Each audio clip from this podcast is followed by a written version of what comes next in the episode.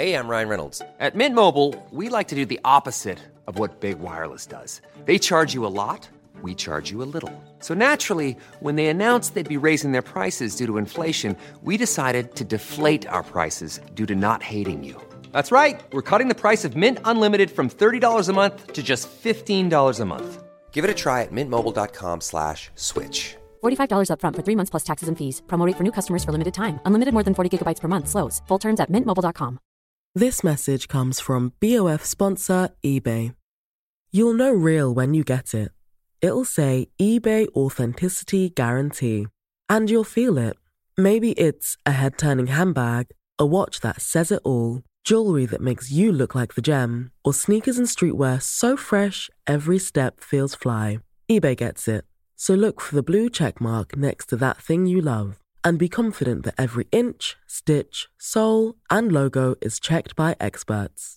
With eBay Authenticity Guarantee, you can trust that feeling of real is always in reach. Ensure your next purchase is the real deal. Visit eBay.com for terms. Quality sleep is essential for boosting energy, recovery, and well being. So, take your sleep to the next level with Sleep Number. With a Sleep Number smart bed, you can individualize your comfort level and enjoy a better sleep night after night. JD Power ranks Sleep Number number 1 in customer satisfaction with mattresses purchased in-store. And now the Queen Sleep Number C4 smart bed is only $1,599, a saving of $300 only for a limited time. For JD Power 2023 award information, visit jdpower.com/awards. Only at Sleep Number stores or sleepnumber.com. Hvis du hører denne episoden rundt liksom, tidene den ble publisert, så vil det også si at du er, som oss, på full fart inn i påsken. For noen så varer jo påsken hele uka, andre kjører bare siste del. Men dere veit, kos står på agendaen. Og da har jeg bare lyst til å minne oss alle på viktigheten av å legge fra seg denne enten-eller-tankegangen. Det er viktig for oss året rundt, men jeg føler den blir litt sånn satt ekstra på prøve når vi skal inn i en ferie. Dessverre så er det mange av oss som kan stresse litt med nettopp begrepet ferie, uh, i vissheten om at nå mister man liksom mange av de gode rutinene og vanene som man vet at får en til å føle en bra. Og det skjønner jeg at kan være litt utfordrende.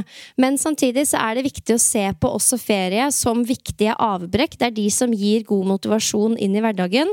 Og ikke minst så er det ypperlig trening i å utøve balanse. Nå får du muligheten til å teste deg sjøl litt sånn utenfor ditt vanlige habitat. Uh, du får muligheten til å trene på det å ha et balansert forhold til f.eks. godteri og påskekos. Jeg pleier å tenke at ok, nå blir det masse som sagt godteri, masse god mat, jeg har lyst til å nyte og kose meg med det, men jeg prøver også å trene på å ikke liksom overindulge på den måten at jeg får en dårlig følelse. Og når den dårlige følelsen kommer for meg, det er det bare jeg som veit, og det, vet du hva, det varierer også fra dag til dag. Men jeg syns ferier er nettopp en spennende mulighet til å ja, terpe litt på nettopp den balansen. Så prøv å huske på det idet du går inn i ferien. Det er et viktig avbrekk i alt det fornuftige du gjør ellers i året. De er, ferier er der for å gjøre deg motivert inn i hverdagen. Og nå får du også muligheten til å trene på å være litt mer avslappa, og ikke minst ha det bra også i liksom litt andre omgivelser enn det du er vant med. For dette vi gjør med trening og helse, skal ikke være noe begrensning. Det skal heller være en forsterkning inn i livet ditt, også på ferie.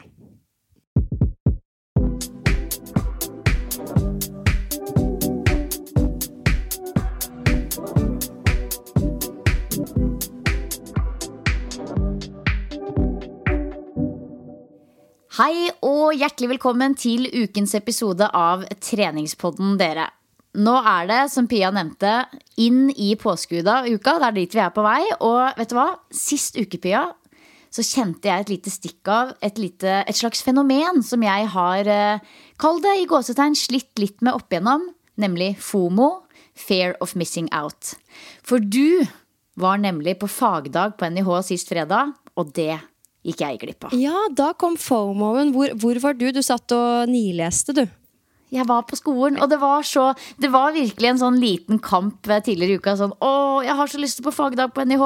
Men så hadde jeg noen arbeidskrav som jeg rett og slett var helt, helt nødt til å levere. Og dermed så var det liksom for, den fornuftige meg som eh, plasserte rumpa mi på skolebenken. Men uh, altså, jeg eh, er jo veldig veldig spent på hvordan det var på NIH den dagen. Det er jo litt sånn gøy med noen sånne årlige bransjetreff. Og NIH er jo forkortelse for Norges idrettshøgskole, for de som ikke vet det. Og der skjer det jo mye spennende på forsknings-, trenings- og helsefronten. Ja, altså For meg som jobber uh, alene og selvstendig, så er det veldig fint å ta turen dit og liksom få møtt litt kollegaer, selv om det var overraskende lite kjente der i år. Men uh, få møtt litt uh, liksom folk som jobber med det samme som en selv, og ikke minst liksom sjekke, dobbeltsjekke at det jeg sier og kommuniserer og står for, at det fortsatt stemmer. At man er litt sånn up to date. Så selv om det sitter litt langt inne å ta seg tid til sånne ting, så er det veldig, veldig viktig Um, så det var fint at jeg fikk det til, på vegne av oss to, Silje. Ja, ja, på vegne av oss to, på vegne av treningspodden, og så kan jeg på en måte juse ut uh, liksom jusen av sitronen ut av deg, på en måte. Men, men, jeg lurer også på akkurat det. Hvem var det du møtte der oppe? Var det liksom godt oppmøte og helt fullt inne på auditoriumet, eller var det Hvordan var det? Jo, det var god kok. Det var ganske fullt. Du satt liksom litt sånn sild i tønne, uh, så uh, mange oppmøtte. Møtte blant annet Kristin Holte der. Ja, hun var der òg, ja. Ja da, ja da. Eh, takka for god episode. Eh, oh, herregud, jeg må bare si det her. Og så Martin Norum var jeg der. Han holdt et foredrag. Og jeg kjenner jo Martin fra før. Altså, vi har vært på party sammen, gode kollegaer. Og det er sånn, jeg blir skikkelig glad inni meg når jeg ser Martin. Du vet, Når du ser inn kollegaer som du har en historikk med, og som du bare har hatt gode vibes med, du blir så glad inni deg. Og i tillegg så føler jeg meg nok da åpenbart veldig trygg på han, så det var utelukkende hyggelig å se han igjen. Men uh, det gikk litt fort. Jeg ga du han et kyss, eller hva? Du, det var ikke langt unna.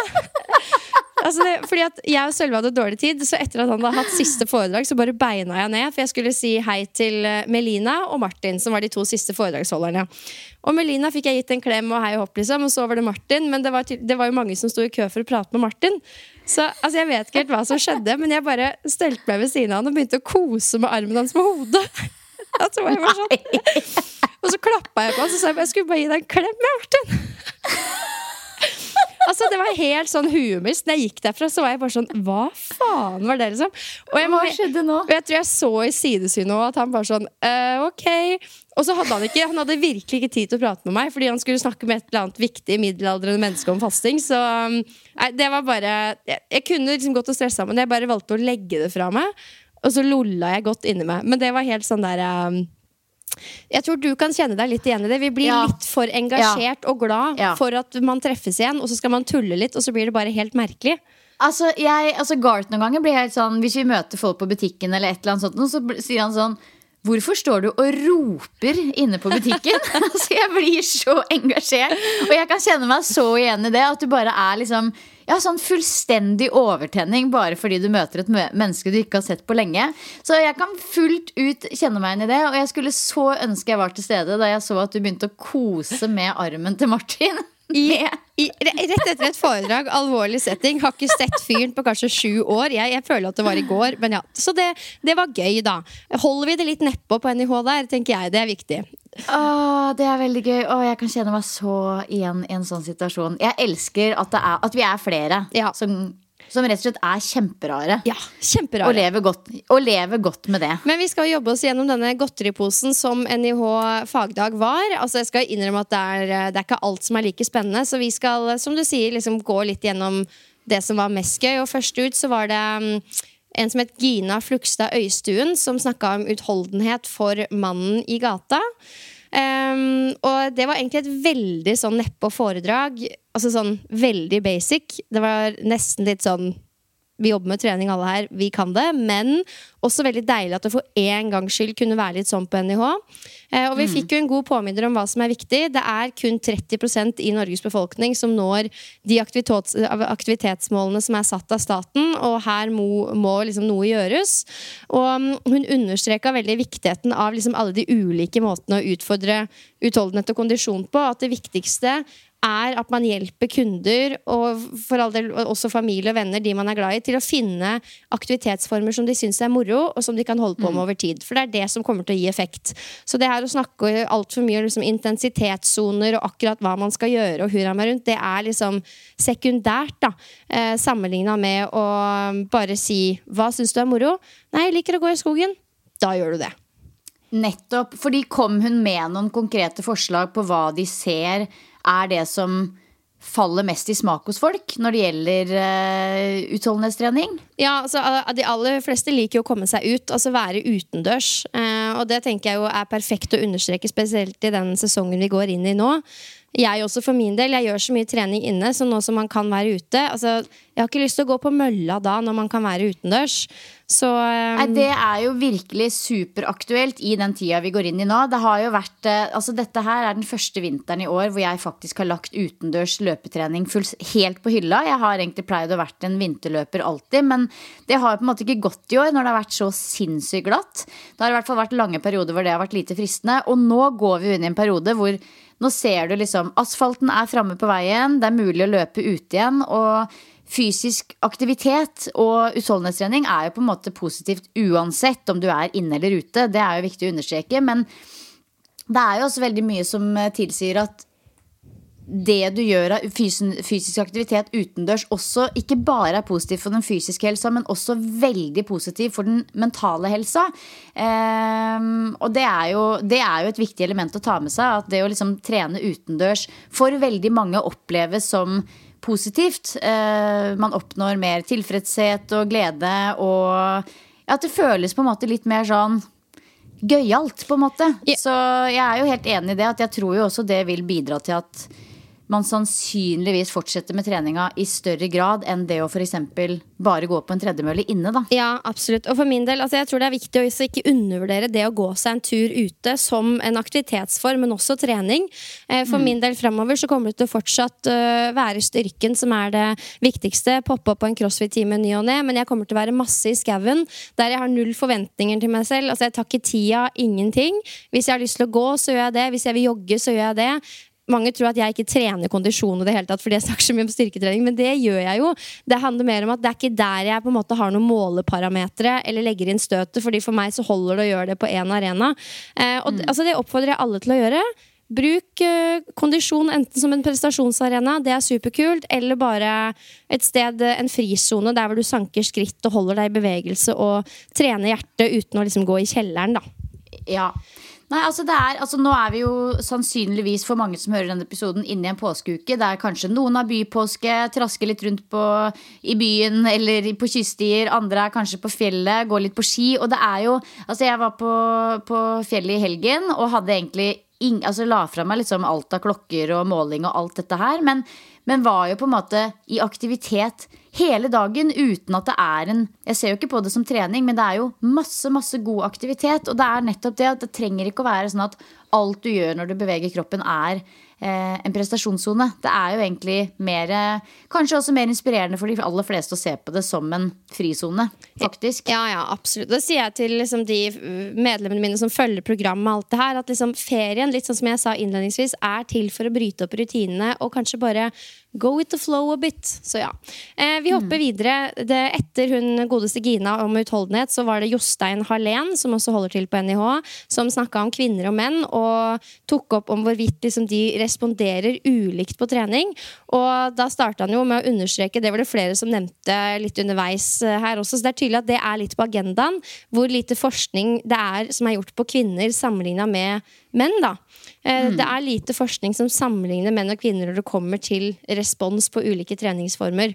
Eh, men det vi vet, er at menn har vesentlig høyere andel muskler i overkroppen. Det vet vi jo, som også er grunnen til at f.eks. chins og pullups og ulike pressøvelser som pushup er litt lettere for gutta å få til enn oss jenter. Uh, og det er så viktig å huske på. Ikke nødvendigvis at vi sammenligner oss så mye med gutta på det. Jeg tror mange vet dette her, men det er akkurat som mange tenker at pushups, chins, pullups At det er øvelser som man burde klare. Jeg tror vi, I takt med at man ser mer og mer av det på sosiale medier, så tenker man undervurderer hvor tøft det er å trene seg opp til det. da um, For oss jenter vi har litt dårligere forutsetninger enn gutta.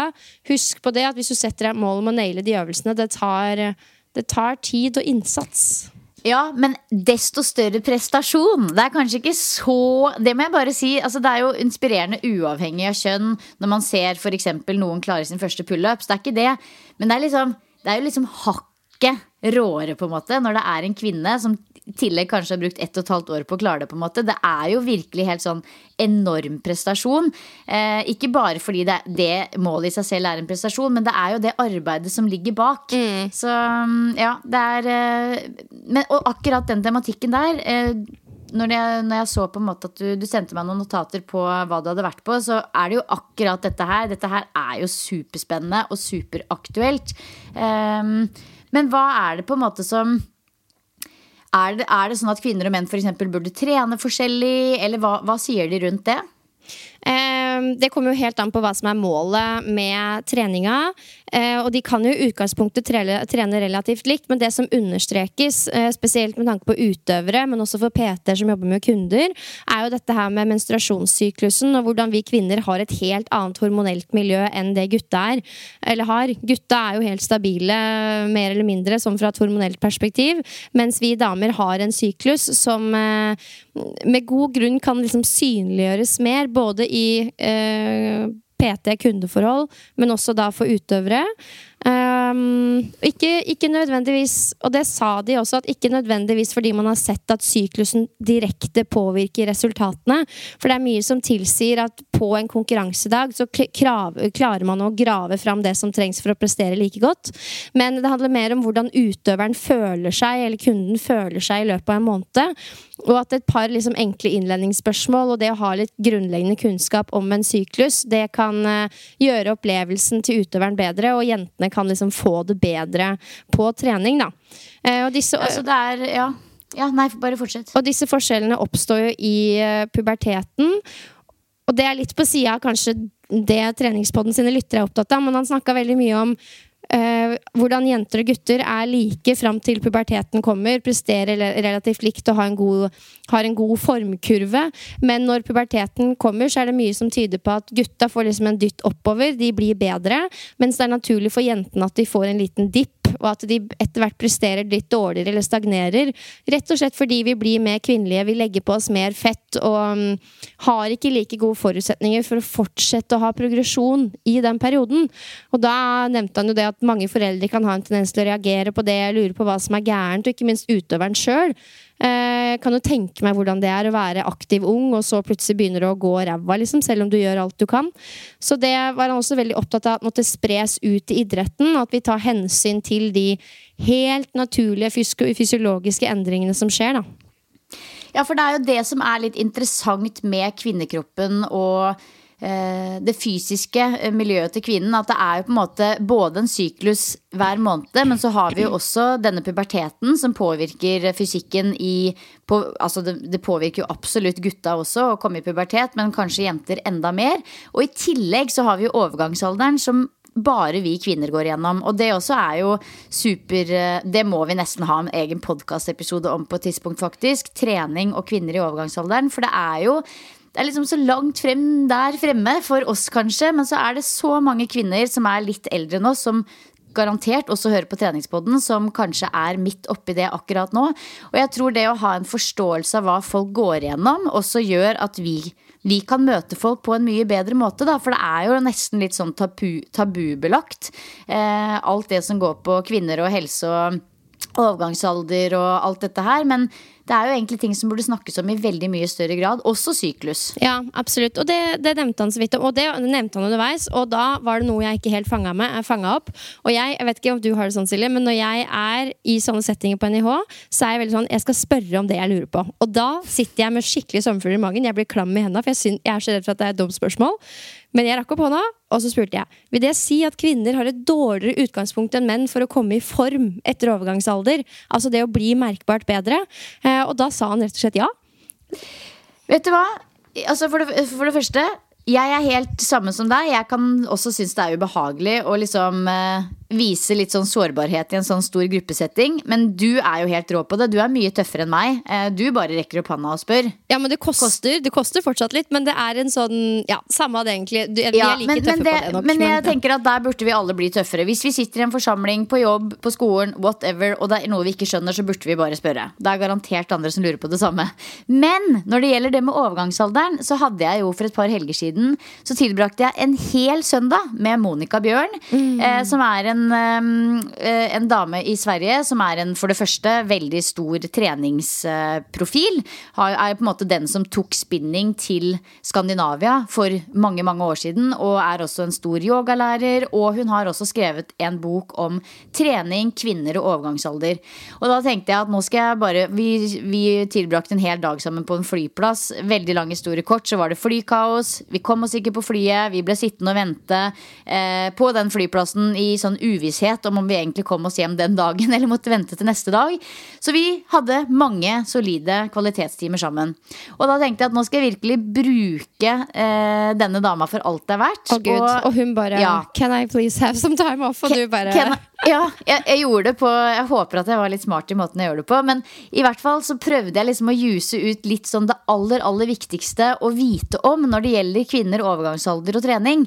Og da var det spesielt én ting som hun sa, som var Det var to ting. Det var to faktorer som jeg skal ha med meg og notere meg bak hodet. Nummer én bygg så mye muskelmasse som overhodet mulig før du kommer i overgangsalderen. Det er én ting. Vil, altså det er masse forskning som tilsier at eldre og også kvinner over overgangsalderen responderer kjempebra på trening, men det vil være så mye tyngre å få resultater enn før overgangsalder. Så det er én ting.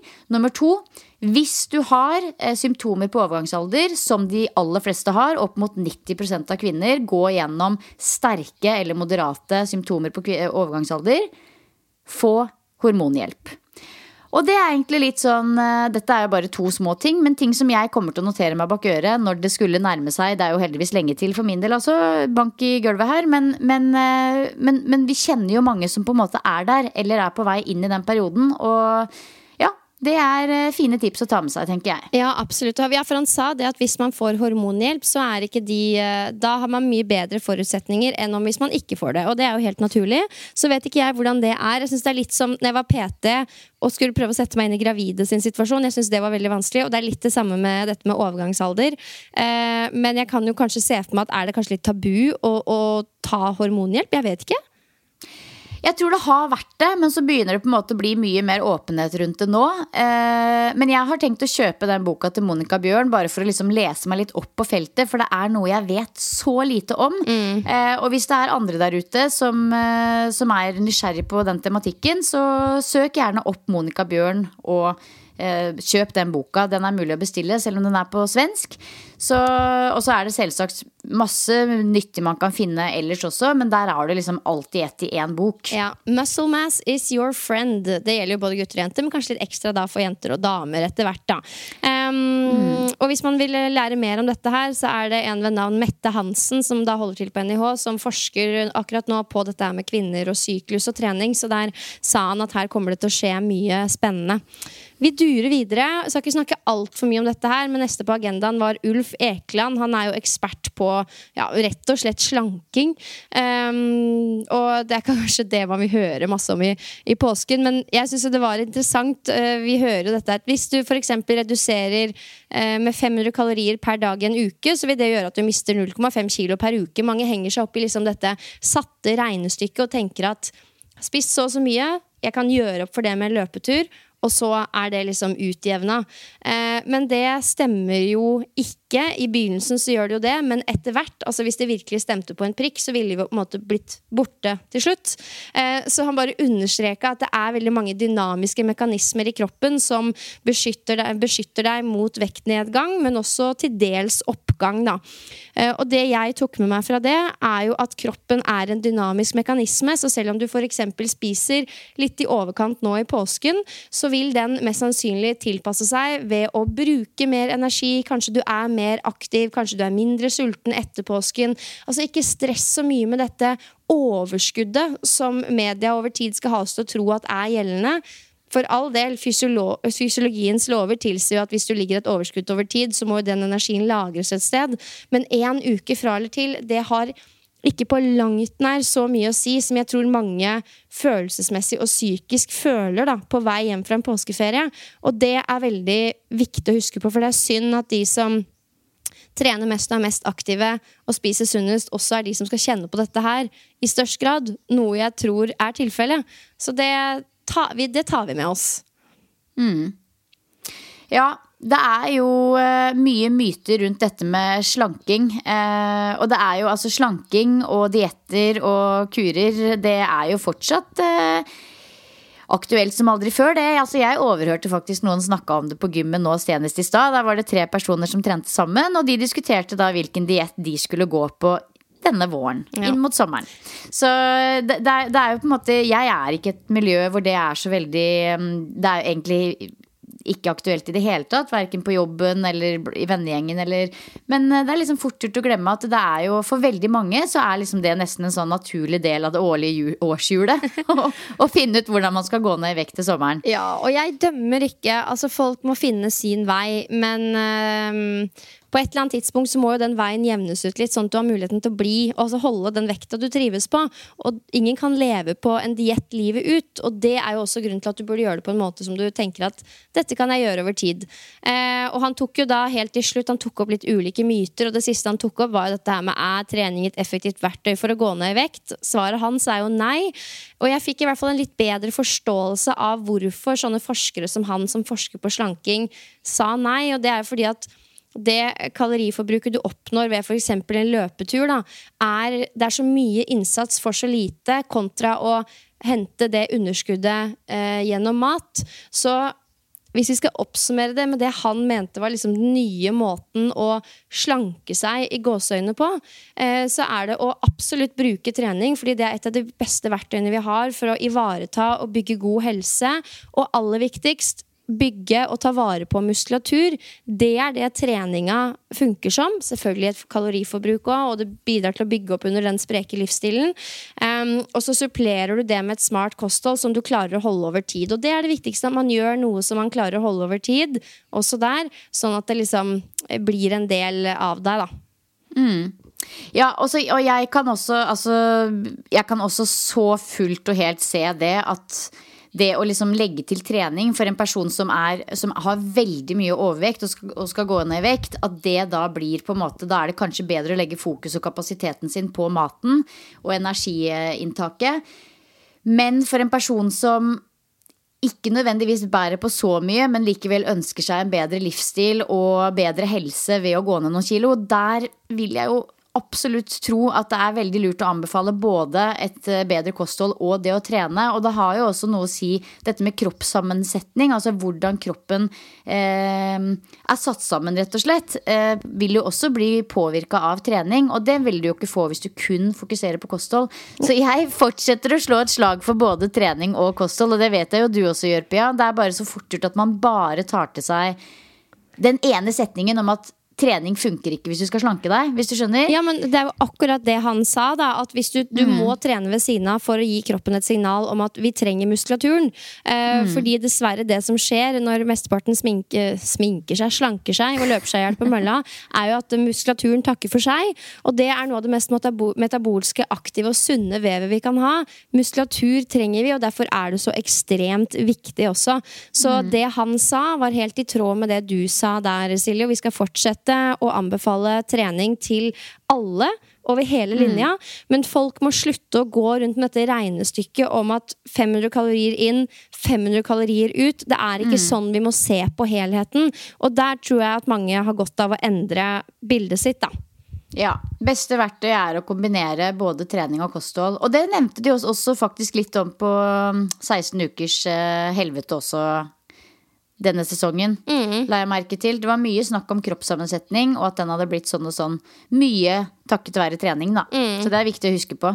Eh, absolutt. Videre så var det et par innlegg jeg ikke fikk med meg fordi jeg måtte sette meg og jobbe litt. Men eh, neste da som jeg fikk høre på, det var Gøran Paulsen som snakka om dette her med alkohol og trening, og hva sier forskninga rundt det. Det var ikke noe sånn veldig nytt under solen der. Og det er jo ikke noe sånn, altså alkohol er ikke noe helsedrikk. Det stemmer ikke det at liksom det kan telle som én av fem fordi det er lagd på druer, liksom. Eh. Hva med de antioksidantene i rødvin? Nei, nei, der er det noe god, god skjult markedsføring som har sneket seg inn i hodene våre. Men eh, nummer én, vi skal jo ikke glemme Det her var ikke noe Gøran sa, da, men jeg har bare tenkt mye på det, spesielt etter episoden med Torkil. eh, der vi snakka om hvordan det påvirker HRV og bla, bla, bla. Vi sover ikke så godt og ja. Den biten der. Men eh, det påvirker jo også liksom sosiale lag, og det er ikke noe legge under en stol at du har det sabla hyggelig. Du får litt lavere skuldre, og det er kanskje lettere for mange å være sosial og tenke på litt andre ting. Og det her med å åpne seg på en litt annen måte, og samtalen blir litt annerledes ofte. Ikke minst, ja, altså connecte litt, da. Og jeg tenker at og det sosiale som helseparameter, det er vist i forskninga at det er viktigere eh, enn helse, nei, altså trening, sunn mat, alle disse tingene. Det å ha gode relasjoner. Og jeg tror helt ærlig at det å møtes over et glass vin kan hjelpe mange, kanskje spesielt treningsfolk som er så veldig mye i sin egen egoboble fra før. Jeg tror helt ærlig at det kan hjelpe oss. Så kanskje du sover litt dårligere natt, og det er ikke, det er ikke et, eh, et helsestoff, liksom, men Kanskje du skal ha litt av det likevel. Det er i hvert fall en, ting jeg har tenkt på. Også fordi at han Gjøran sa eh, som sagt, det er ikke noe helse, helsestoff, men det er ikke død og fordervelse heller. Folk som er sunne ellers, tåler et glass vin eller to eller tre uten at det har veldig, veldig mye å si. Um, han sa blant annet at uh, hvis du skal på fest da, og innta alkohol, så lønner det seg å trene rolig både før og etter. Det er ikke noe å hente på å kompensere med en hard økt. Mange tenker jo at jeg skal på fest, og da skal jeg gå ned i kjelleren, eller dagen derpå så skal man liksom gjøre opp for det. Um, men det er veldig lite hensiktsmessig, for vi vet at kroppen er ikke i stand til å hente seg igjen etter økta hvis du får på alkohol. Uh, så da er det bedre å heller legge til rette for at kroppen skal bruke energi på å fordøye alkoholen, og så spare kreftene til en hardøkt når den er ute av kroppen, da. Mm. Nei, det er eh, altså nå igjen da, nå er det jo inne i påskeuka for mange og kanskje en periode der hvor det er litt mer eh, rødvin til maten og, og, litt mer kos i både form av mat og godteri og alkohol. Og det er litt viktig det å huske på at ja, på mange måter, alkohol er på ingen måte bra. Det påvirker oss egentlig utelukkende bare negativt sånn kroppslig. Men i et litt sånn sosialt perspektiv som du nevner, så er det så viktig å huske på at det er helt i orden å være avholds. Du kan ha det minst like hyggelig i et sosialt lag. Det er ikke det, men du skal ikke slutte å ta det glasset med vin fordi du ønsker å ha god helse. Eh, tenker i hvert fall jeg. Og ja, selv var jeg på hyttetur i helgen med venner og, og familie, og det er jo på ingen måte noe sånn eh, misbruk av alkohol overhodet. Det er et glass rødvin til maten, og det er masse god stemning og kos i det. og og det kjenner jeg at det Selv om ja, jeg også kan kjenne det at jeg faktisk sover litt dårligere med bare noen få enheter eh, alkohol. Men det er likevel på en måte verdt det, fordi det er liksom en del av det å være sammen, bonde litt, eh, skape gode opplevelser. Og jeg tror jo også veldig mange eh, skylder kun på alkoholen, men det er jo også det å, å drikke alkohol i store mengder som på ordentlig er skadelig, det skal man virkelig være forsiktig med å gjøre altfor ofte. Og ikke minst så er det kombinasjonen med mye alkohol og det som kommer i etterkant av det, som ofte er dårlig kosthold, mye junkfood, lite søvn. Eh, ikke sant? Man, man, lever liksom et sånn, helt sånn junkliv hele helga bare fordi man er på fylla på en fredag. Veldig mange har vært gjennom den eh, karusellen der. Og det er jo det som Det er jo på en måte direkte Det kan man kjenne. Det kjenner man jo. Da, nå har jeg blitt nå ble jeg litt forgifta, for å si det sånn. Den følelsen der har vi jo alle kjent på. Men det å liksom ta seg noen glass med vin til maten i påska Jeg tror ikke, skal, tror ikke vi skal stresse for mye over det hvis man lever sunt og fint ellers. Ja, altså, jeg tror ikke du skal stresse så mye med en sånn partyhelg heller. Altså, eller sånn, jeg bare kjente Når du snakka om det, så var jeg sånn åh, jeg savner det så altså, Jeg er så klar for litt misbruk akkurat nå. Jeg er skikkelig ferieklar. Så, ja. Og, og det, det, stopper seg sjøl. Det er sånn, du gjør det kanskje én helg, og så er du sånn ok, trenger ikke gjøre det på et halvt år. Ja, det er jo akkurat det. Og det er jo nettopp det. Fordi aller fleste av oss så er det jo nettopp sånn at du liksom Du kjenner at ok, been there, done that. Nå er jeg gira på å ikke gjøre det på en god stund. Men så er det jo dessverre noen da som ehm, Ja, som, eh, som sliter litt mer med den biten. Men uh, bruk sunn fornuft, tenker jeg bare. Ja, Og livet er til for å leves. Um, så det var fint om alkohol og trening at det ikke bare var sånn don't do it, bla, bla, bla, men det var litt mer sånn dette går bra, dere. Selv om mm. det er um... Sa Gøran Paulsen noe om at han selv drakk alkohol? ja, han skulle, jo nevnte han skulle i et 50-årslag, faktisk. Det, det var hæla i taket, og jeg tror ikke han spytter ja. i glasset, han, altså. Nei, det tror ikke jeg heller. Gøy. Eh, etter Gøran så var det tid for Melina Magulas, som skulle snakke om altså Tittelen på foredraget var The 5 AM Club. Når på døgnet er det best å trene? Eh, og hun tok jo utgangspunkt i annet denne TikTok-trenden med at eh, altså det er blitt veldig trendy å stå opp ekstra tidlig for å få mer gjort og være eh, den beste versjonen av seg selv. Og selv om jeg En del av meg digger jo det budskapet, men samtidig så ser man jo at for veldig mange som er Vi er jo fanga i, i denne tidsklemma, og det da å skulle hente to timer i løpet av et døgn ekstra, det går utover søvnen. Eh, og det er ikke veien å gå. Så hvis vi snakker om at man ønsker å gjøre noe for helsa, så er det ikke sånn at folk flest bare kan sove to timer mindre for å jobbe mer, trene mer, få til mer. Eh, det er kontraproduktivt, da. Eh, så det var et viktig poeng å ta med seg. Samtidig så så man at når man spør seg selv når på døgnet er det best å trene, så um, kan kroppen tilpasse seg. Så hvis du er vant til å trene på morgenen, så funker det mest sannsynlig bra for deg. hvis det kjennes greit ut. Eh, hvis du er vant til å trene på kvelden, så er det mest sannsynlig det som kjennes best ut for deg. Og du kan tilpasse deg begge deler. Samtidig så vet vi at uh, mennesker har litt sånn ulike biorytmer. Noen er A-mennesker, noen er B-mennesker. Og det påvirker også mest sannsynlig hva som kjennes best ut for deg. Det er jeg sikker på at folk kan kjenne seg litt igjen i også. Men vi kan få det meste til å funke. Eh, Men det er kanskje lurt å prøve å gjøre det samme ish over tid. da Sånn at, man, at kroppen kjenner igjen hva som skjer til, eh, til hvilken tid. Um, Ja, det, akkurat det med sånn, eh, sånn biologisk eh, klokke, holdt jeg på å si, eller sånn biorytme, det, det har jeg fått en skikkelig aha-opplevelse på. Fordi jeg har alltid tenkt at liksom, ja ja, A- og B-mennesker, det er litt sånn myte at er- B-mennesker er egentlig bare litt slakke, hvis du skjønner. Men så har jeg jo lært gjennom eh, psykologien at vi, vi er uh, ulike når det gjelder den biologiske klokka oppi hjernen. Og noen av oss, noe sånt som 20-30% har en, eh, en biologisk rytme i hjernen som er lengre enn 24 timer. Eh, og de har eh, litt sånn lakenskrekk og vil gjerne sove tidlig på morgenen. Og jeg tenker, altså, De aller fleste andre av oss vi er enten A-mennesker eller så er vi litt sånn nøytrale. Vi kan tilpasse oss det aller meste. Men jeg tenker, det er jo også fint dette her med ikke sant? Vi har jo snakka litt om når skal man trene og når skal man ikke trene i forhold til det med HRV og liksom alt dette her. Og jeg tenker bare sånn det som funker, er det som funker. Men der også går det jo an å ta litt hensyn hvis du er en person som er Sånn som meg, da. Jeg, eh, jeg kan godt uh, synes det er veldig digg å sitte litt lenge oppe på kvelden. Men jeg vil, jeg trives aller best når jeg kan legge meg tidlig og stå opp tidlig. Og er helt klart i mye bedre form både fysisk og mentalt. Og vil liksom angripe de store oppgavene aller helst på dagen.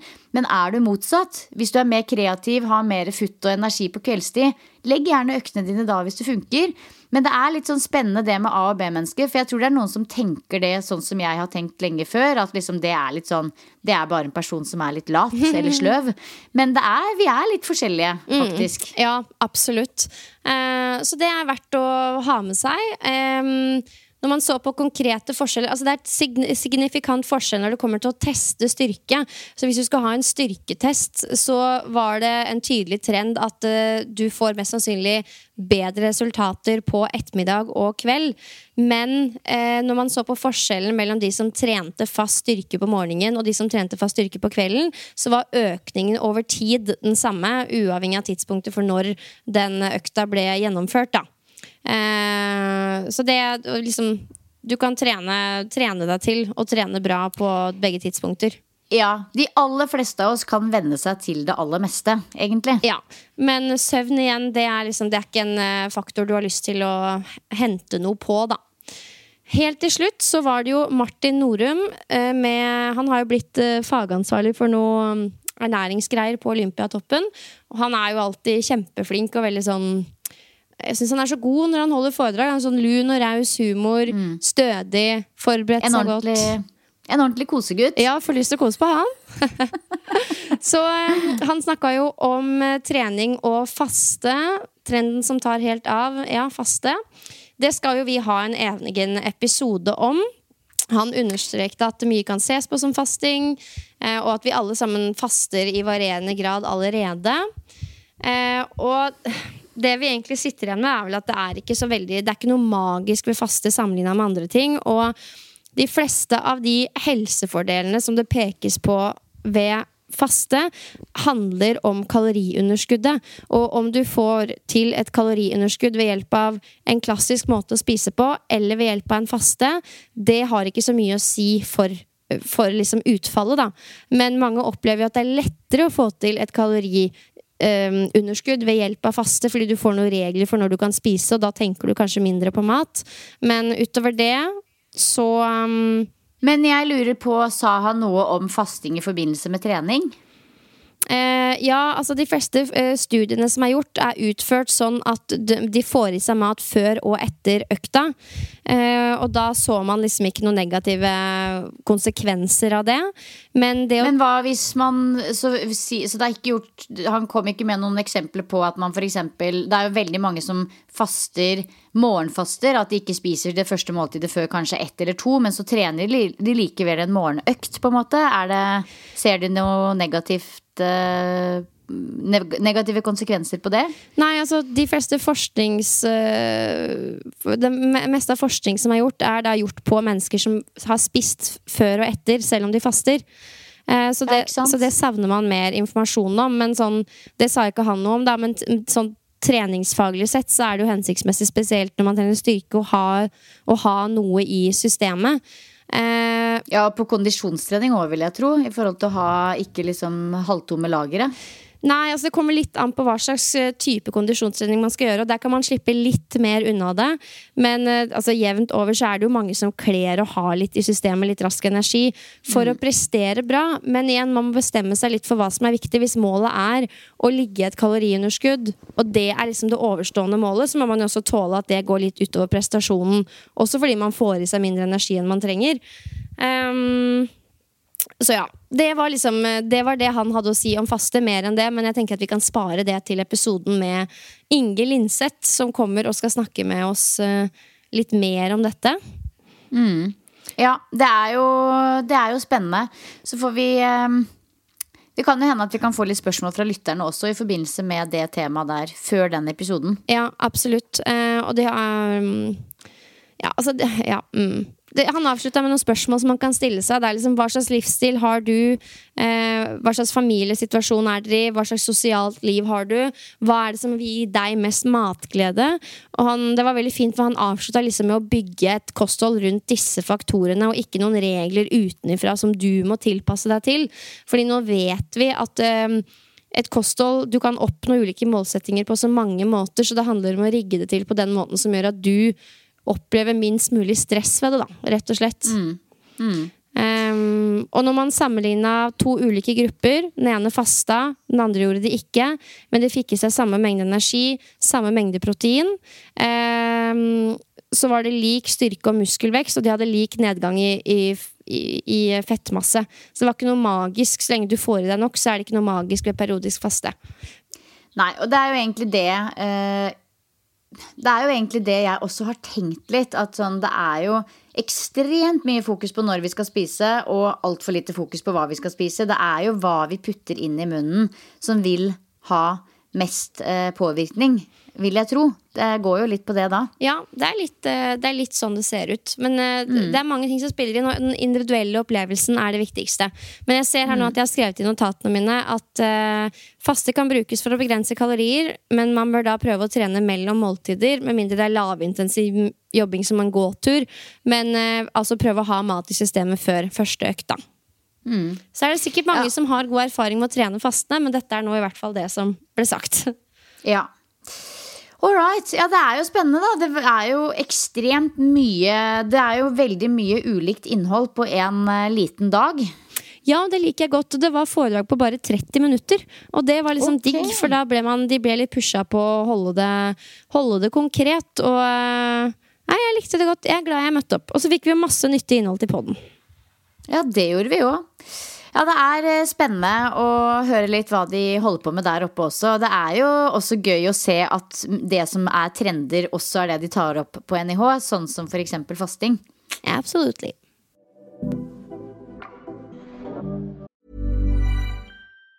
Say hello to a new era of mental health care. Cerebral is here to help you achieve your mental wellness goals with professional therapy and medication management support. 100% online. You'll experience the all new Cerebral Way, an innovative approach to mental wellness designed around you. You'll get a personalized treatment plan from a therapist, prescriber, or both in a safe and judgment free space. Your cerebral therapist or prescriber will outline a customized plan with clear milestones along the way so you can get to feeling your best. With Cerebral, you're not alone in your mental health journey. We're here to empower you to live a fulfilling life. So take that first step towards a brighter future and sign up today at cerebral.com slash podcast and use code ACAST to get 15% off your first month. Offer only valid on monthly plans. Other exclusions may apply. Offer ends July 31st, 2024. See site for details. Hey, I'm Ryan Reynolds. Recently, I asked Mint Mobile's legal team if big wireless companies are allowed to raise prices due to inflation. They said yes. And then when I asked if raising prices technically violates those onerous two year contracts, they said, What the f are you talking about, you insane Hollywood ass? F- So to recap, we're cutting the price of Mint Unlimited from $30 a month to just $15 a month. Give it a try at mintmobile.com slash switch. $45 upfront for three months plus taxes and fees. Promo for new customers for limited time. Unlimited more than 40 gigabytes per month. Slows. Full terms at mintmobile.com. Quality sleep is essential for boosting energy, recovery, and well being. So, take your sleep to the next level with Sleep Number. With a Sleep Number smart bed, you can individualize your comfort level and enjoy a better sleep night after night. JD Power ranks Sleep Number number one in customer satisfaction with mattresses purchased in store. And now the Queen Sleep Number C4 smart bed is only $1,599, a saving of $300, only for a limited time. For JD Power 2023 award information, visit jdpower.com/awards. Only at Sleep Number stores or sleepnumber.com. This message comes from BOF sponsor eBay. You'll know real when you get it. It'll say eBay Authenticity Guarantee. And you'll feel it. Maybe it's a head turning handbag, a watch that says it all, jewelry that makes you look like the gem, or sneakers and streetwear so fresh every step feels fly. eBay gets it. So look for the blue check mark next to that thing you love and be confident that every inch, stitch, sole, and logo is checked by experts. With eBay Authenticity Guarantee, you can trust that feeling of real is always in reach. Ensure your next purchase is the real deal. Visit eBay.com for terms. Every fan knows the right player in the right position can be a game changer. Put LifeLock between your identity and identity thieves to monitor and alert you to threats you could miss. Plus, with a US-based restoration specialist on your team, you won't have to face drained accounts, fraudulent loans, or other losses from identity theft alone. All backed by the LifeLock Million Dollar Protection Package. Change the game on identity theft. Save up to 25% your first year at LifeLock.com slash aware.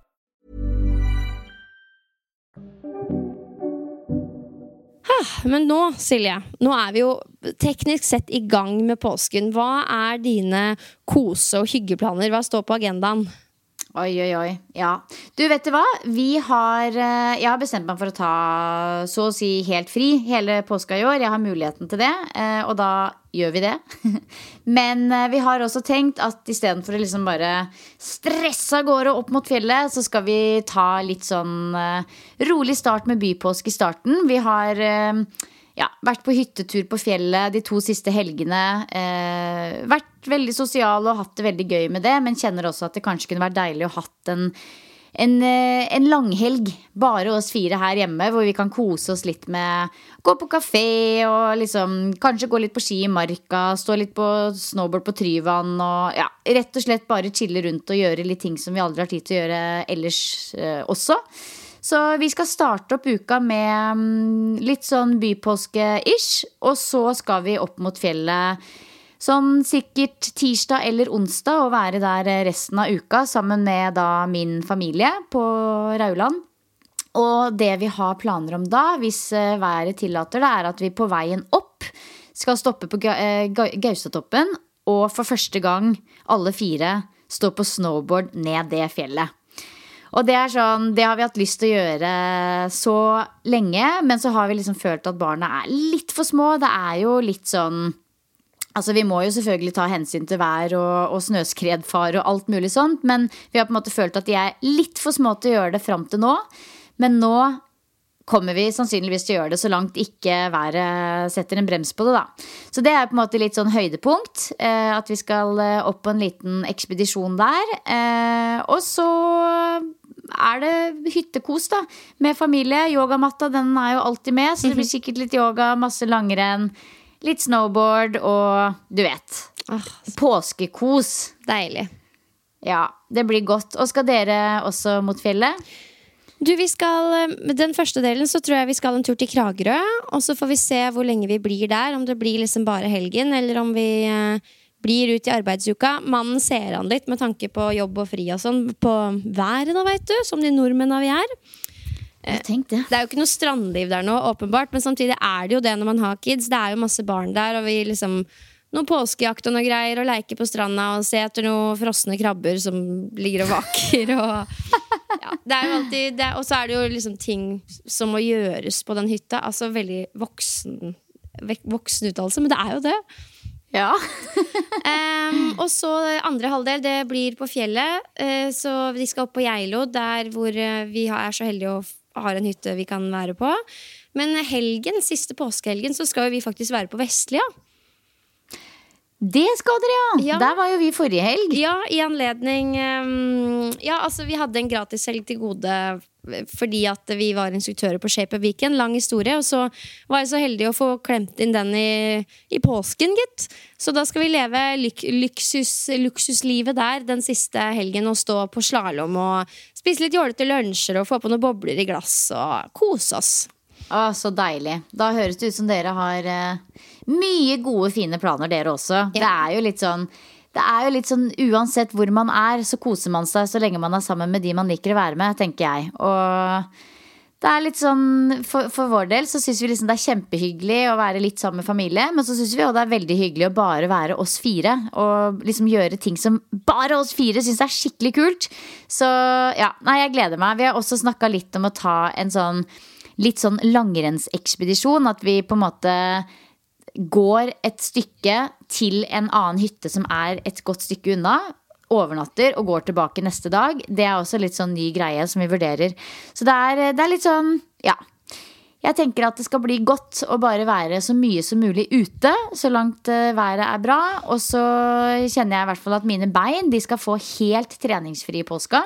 Og så kanskje jeg tar med meg ringene mine, og så blir det bare sånn utendørs aktivitet og kos. Ja, jeg tar det litt på gefühlen, jeg òg. nei, vi får se. Jeg har jo noen hanter slengende både her og der, så det blir hva det blir. Ja, Nei, men det blir eh, godt. Og en annen ting som jeg må nevne for deg. Vi har jo snakka en del om dette med Jeg er spent. løftereimer. Ja. Og nå har jeg endelig knekt koden på det som funker for meg. Fordi, eh, ja, lang historie kort. Jeg har jo testa ut eh, løftereimer og var særdeles lite fornøyd med det. Snakka jo litt om det i poden her også. Følte at det bare blei knot og rot, og at det ikke ga meg noe som helst. Og så fikk jeg en del ulike meldinger på Instagram etter den episoden der jeg nevnte det, som sa at hvis du har små hender, så funker reimer veldig dårlig. Og det sier seg jo selvfølgelig selv, for det blir jo mye tykkere å holde rundt den stanga. Så det folk har kommet med tips om, er enten noe som heter Versagrips, eller Versagrips, som jeg liker å si på godt norsk, eller at man kjøper tynne eh, skinnreimer. Eh, men jeg har da gått for Versa Grips. Det var Astrid Salthaug som tipsa meg om det, som er en felles yogavenn. Og vi hadde en sånn skikkelig god styrkeøkt på gymmet her eh, tidligere i mars, hvor jeg fikk teste det ut. Og det var ikke litt knot, det var bare sånn svopp. Der var den på plass. Elska det fra første sekund. Så nå er det blitt en del av min, eh, min ukentlige gadget Ja, på for jeg, trening. jeg er inne og ser på Versa Grips nå. Hva er det du følte at Jeg klarer ikke helt å se hva Jeg skal, vet du hva, neste gang vi, eh, jeg skal ta det med neste gang vi møtes, Pia. Så kan du få lov å bare teste den på. For jeg tror Det er vanskelig å forklare det, men det er på en måte reimer. Så er det jo en, det er jo rett og slett en reim som du må snurre rundt stanga og holde rundt. Her er det på en måte en sånn veldig tynn eh, skinnflakk. Det ser ut som en sånn eh, kombinasjon mellom reimer og eh, sånn grips som man bruker i crossfiten. Ja, men Det blir spennende. Ja, de må du ta med. Jeg er spesielt Ja. Du, bare, du ruller jo den rundt stanga også, men det blir jo bare et veldig tynt lag. Så det har i hvert fall fungert kjempebra. Og det var liksom Det var ikke noe sånn innkjøringsprosess. Ingenting. Det var bare Første gangen jeg testa det, så funka det dritbra. Så jeg tenkte eh, jeg måtte bare følge opp den delen, siden det er noe vi har uh, på tidligere her. Ja, jeg så en på nei, TikTok var det også som hadde en sånn, en sånn Du tok på deg var som en hanske med en krok på. Det så også ganske genialt ut. Så det er masse, masse muligheter. Masse Um, muligheter hvis man er sånn pingle som meg, som blir sliten i, i grepsmuskulaturen. Ja. Du, det er helt naturlig. Det er bare tegn på at man er motsatt av pingle, men at man løfter tunge vekter. Og det er jo det som er greia. Mange kan tenke på sånne ting som liksom en snarvei, at man jukser, men det er ikke det det handler om. Det er at når jeg gjør en markløft, så vil ikke jeg at jeg ikke skal klare å bruke beina mine og trøkket jeg har i kroppen fordi jeg ikke klarer å holde belastninga. Hvis jeg skulle konkurrert i markløft, så hadde det kanskje vært noe jeg måtte trent på, men eh, det skal jeg ikke. Så da vil jeg liksom gjøre den øvelsen mest effektiv, da. Og da er eh, grips og til og med belte kan også være nyttig. Ja, det har jeg fortsatt til gode. Løftesko og belte, det er fortsatt ikke Der er jeg fortsatt ikke. Men vi får se. Vi får se. Vi får se. Men vi, la oss runde av da med ukas boost. Det er jo ikke så lenge siden vi snakka sammen sist. Vi spiller inn litt tidligere enn vanlig pga. påsken, men eh, jeg, jeg kjenner meg ganske trygg på at du har hatt en boost siden sist. Du, det er Jeg syns nesten eh, det, det er mye gode booster, og det handler jo om å finne fram det som er god boost i så, så små, eh, fine hverdagsøyeblikk som mulig, egentlig. Og den gangen her så må jeg bare trekke frem at vi, vi var på en uh, skitur nå på lørdag i ganske sånn det jeg liker å kalle ruskete vær. Altså det var på ingen måte noen sånn snøstorm eller noe sånt, men det var ganske ruskete vær. Uh, på det nivået at det liksom det piska litt i ansiktet, og det var ikke sånn Altså sånn, Det hadde vært umulig å ta opp kamera og ta et bilde, på en måte Fordi da ville du blitt iskald på hendene med en gang. Og det var, liksom, det var litt, litt sånn ruskete vær. Men vi var i hvert fall eh, på skitur på et ukjent sted for øvrig. For vi var på hyttetur hos venner der vi aldri har vært før. Og så var det jo da selvfølgelig en sånn liten sånn turistforeningshytte eller noe sånt som var målet. Der, der vi skulle gå for å kjøpe oss en vaffel. og det som bare er boosten da, er rett og slett bare det å liksom bonde litt over det å liksom stå i litt tøffe tak sammen. Hvis du skjønner, Når folk kommer inn på den hytta, og det renner snørr, og man er helt sånn ildrød i fjeset, og man har sånn litt sånn buskete øyebryn med is i, så kommer folk inn og er i strålende humør og kjøper seg denne vaffelen til 70 kroner. Setter seg ned. Det er jo nesten ikke noe sted å sitte, så alle de fremmede folka sitter sammen og snakker om vær og vind. Og, og i tillegg så er det liksom da en sånn dame på kanskje 70 år som står og eh, selger vafler, og en mann på minst 85 som står der inne med noen sånne gigantiske vaffeljern og steker vafler. Og det er bare så det er så typisk norsk. at vi må liksom yte for å nyte. Og at vi liksom tar oss ut i det der rufsete været. Eh, og kommer inn og bonder over denne opplevelsen. Eh, og hvorfor, ikke sant? Hvor, det er jo mange som sikkert tenker bare sånn Hvorfor utsette seg og oppsøke det ubehagelige? Men det er fordi at det er veldig bra for oss. I kanskje litt små doser, i hvert fall. Og vi har veldig godt av å liksom kjenne at det er litt motgang og litt oppoverbakke innimellom, for så å, å, å, å, oppleve litt nedoverbakke og, og ja, rett og slett mestre og bonde over eh, over litt rufsete tak, hvis du skjønner hva jeg mener. Veldig dårlig forklart av meg, men Nei, jeg syns det er forklart uh, to the core, ja, det konseptet Ja. der. Altså det derre bitte lille hytta langt ute på vidda der, liksom. Der skal vi på død og liv eh, gå denne lørdagen. Bruke dagen på det. Sitte der i en halvtime og spise vaffel med fremmede, og så går vi hjem. Det, det gir jo lite mening så langt du ikke har gjort det sjøl, på en måte. Og ja, du skjønner greia. Ja, ja. Om jeg gjør. Altså, det er jo den busen du får kun ved hardt arbeid, eh, som ikke kan kjøpes for penger. Det er det du får da. Bortsett fra de 70 kronene på vaffel per person. Ja, det var det, da. Det var det, da. Men vet du hva? Nei, vet du hva? Jeg elska den opplevelsen. Og spesielt han der eh, gamlefar som sto der inne og stekte vafler og så både døv og blind ut, på en måte. Det, det var fantastisk. Men nå er jeg spent på din boost. Ja, det er rett og slett eh, Altså, jeg var um, alene med Sylvester hele helgen. Og det er noe spesielt Altså, det kan være litt stress å være alene med Mini, men det er også noe veldig spesielt med det. Og jeg skal helt ærlig innrømme at jeg var litt sånn uggen i formen og var litt sånn negativ inn i det. Fy meg, liksom, men det var nå tilfellet. Og så ble det bare en så positiv opplevelse, altså helgen i sin helhet. Akkurat som når man er alene med barnet, så kommer man inn i en sånn magisk flow hvor man bare blir veldig kobla på som forelder, og man bare flyter sammen.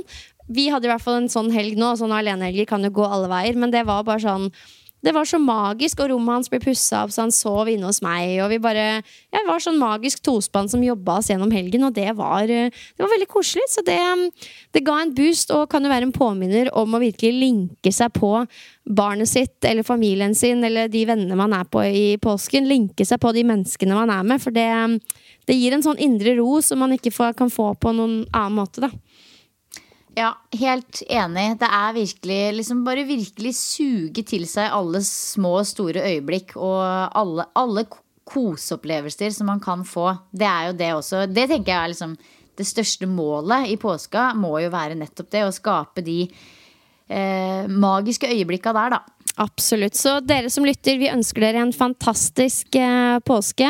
Nyt og kos dere. Sug til dere all informasjonen og forhåpentligvis inspirasjonen dere har fått i dag. Husk at det er ikke noe enten-eller. Nyt påsken. Hverdagen kommer tidsnok. Og vi er jo også da tilbake um, før du aner. Så nyt påsken, senk skuldrene, og så poddes vi snart igjen.